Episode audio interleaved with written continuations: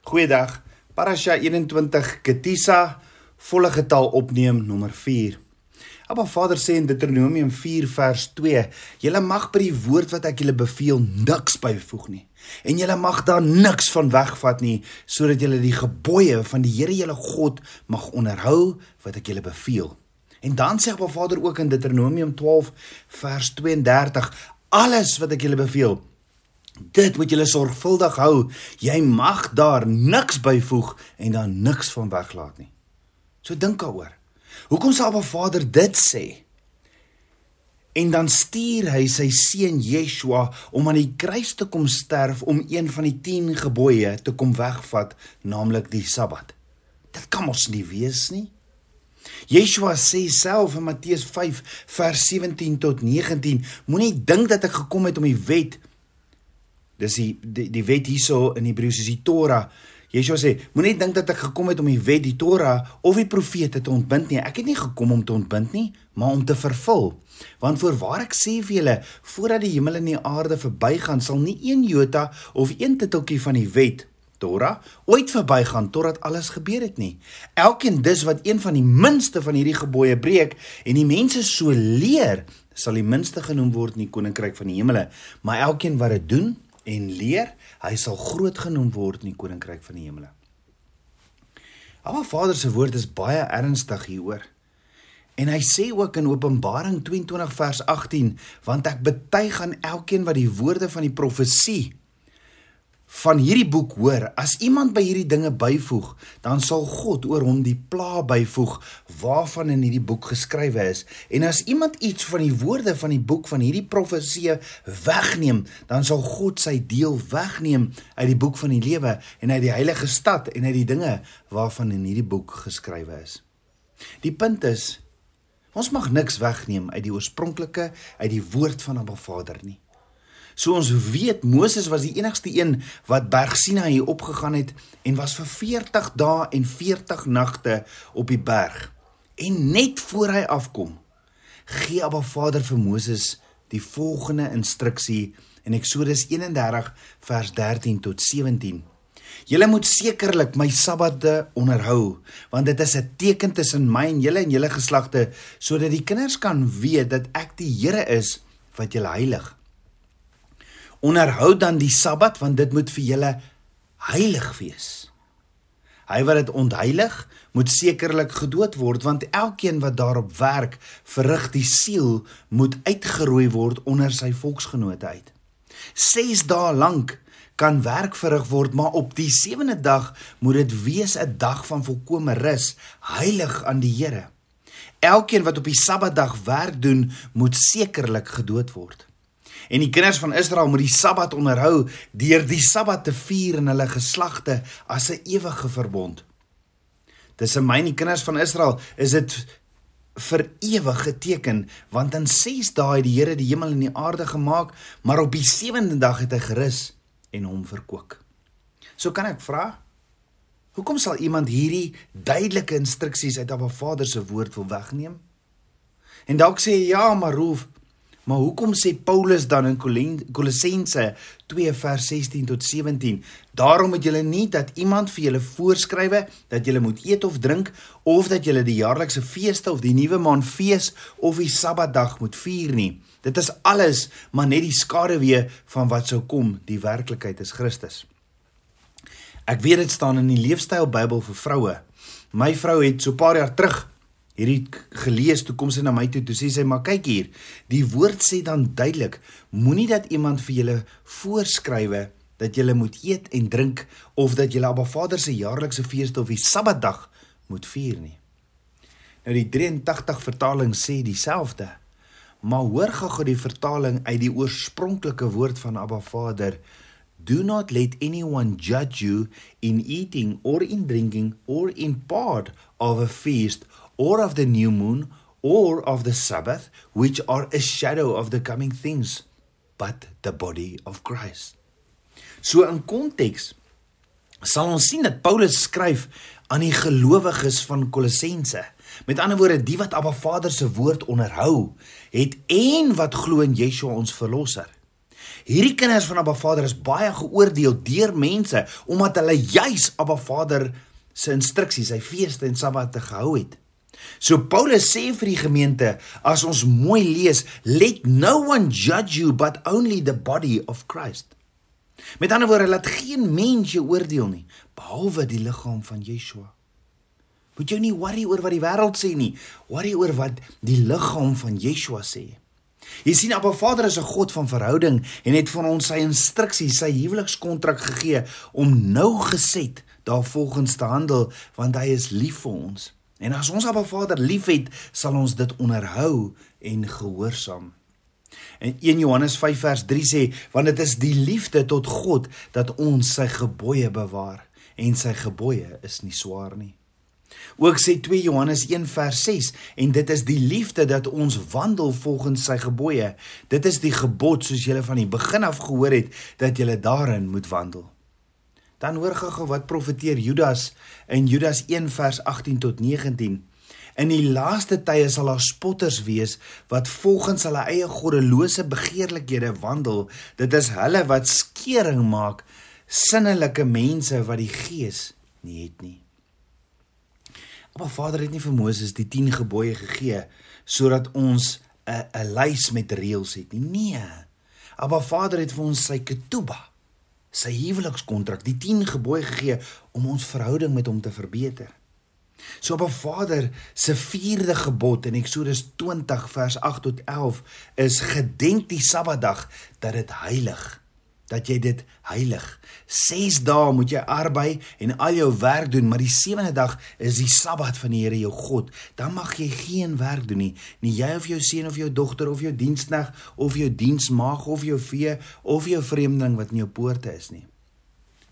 Want en hier gee Abba Vader sommer vir ons die hoekom. Eh, want in 6 dae het die Here die hemel en die aarde gemaak, die see en alles wat daarin is, en op die sewende dag het hy gerus. Daarom het die Here die Sabbatdag geseën en dit geheilig. Nou, gaan doen jy 'n studie. Dan sien jy die vierde gebod is die gebod waar Abba Vader die meeste inligting gee. En ek wonder hoekom. Is dit omdat Abba Vader geweet het dis die gebod waar die vyand net soveel verwarring gaan saai? Want daar's soveel kerke en gelowiges wat glo ons moet net 9 van die 10 gebooie onderhou. En is dit nie dalk die werke van die vyand nie? Die woord sê, die wat nie die gees van 'n Vader het nie, is die wat die skering maak en in hulle eie begeerlikhede wandel. So dink daaroor. Toe Abba Vader vir Moses die 4de gebod gegee het om die Sabbat heilig, was dit die eerste keer wat Abba Vader dit bekend gemaak het? Nee, want Abba Vader sê net na hy in 6 dae alles gemaak het, sê sy woord in Genesis 1 vers 31, toe sien God alles wat hy gemaak het en dit was goed. En dit was aand en dit was môre die 6ste dag. Dan in Genesis 2 vers 1 tot 3 staan: So is dan voltooi die hemel en die aarde met alle met hulle ganse leermag. En God het op die sewende dag sy werk voltooi wat hy gemaak het en op die sewende dag gerus van al sy werk wat hy gemaak het. En God het die sewende dag geseën en dit geheilig omdat hy daarop gerus het van al sy werk wat God geskaap het deur dit te maak. Nou die Hebreëse woord vir Sabbat is Shabbat. Wat beteken to rest of to cease what you are doing? So Abba Vader het na 6 dae gestop en dan staan daar Abba Vader het hierdie dag geseën en dit geheilig. En dis die eerste ding en dan dan ook die enigste ding in die week wat Abba Vader seën en heilig. In hierdie 7 dae is dit die eerste en die enigste ding in hierdie 7 dae skepping wat Abba Vader seën en heilig. Nou in 1 Kronieke 17 vers 27 staan as Abba Vader iets geseën het, dan bly dit geseën tot in ewigheid. Shabbat of Sabbat is 'n geskenk wat Abba Vader vir ons gegee het. Dis nie 'n straf nie. En Shabbat is daar om te rus. En wanneer ons rus op Shabbat, dan voorsien Abba Vader bo natuurlik. Onthou toe Abba Vader manna in die woestyn voorsien het, toe sê Abba Vader vir Moses in Eksodus 16 vers 4 tot 5 op die 6ste dag moet hulle dubbel soveel manna optel. Die woord sê in Eksodus 16 vers 25 en hulle het dit geberre tot die môre toe soos Moses beveel het en dit het nie bederwe nie en daar het geen wurms ingekom nie. As die kinders van Israel meer opgetel het as wat hulle moes op enige ander dag, dan het dit wurms gekry en dit het gevrot, maar nie op die 6de dag nie. Net so vandag. As ons nie Abba Vader gehoorsaam of as ons nie die Sabbatdag wat Abba Vader geseën en geheilig het onderhou en gedenk nie, wat is die root? Wat is die wortel? Hoekom doen ons dit nie? Die wortel is ons vertrou Abba Vader nie vir sy bonatuurlike seëninge nie. Hoor gou-gou. Die 4de gebod verkry sy betekenis uit die skepping want op die 4de dag het Abba Vader die materiële materiële heelal voltooi. In Genesis 1 vers 14 staan en Abba Vader het gesê laat daar ligte wees aan die uitspansel van die hemel om skeiding te maak tussen die dag en die nag en laat laat hulle dien as tekens sowel vir vaste tye as ook vir dae sowel as jare.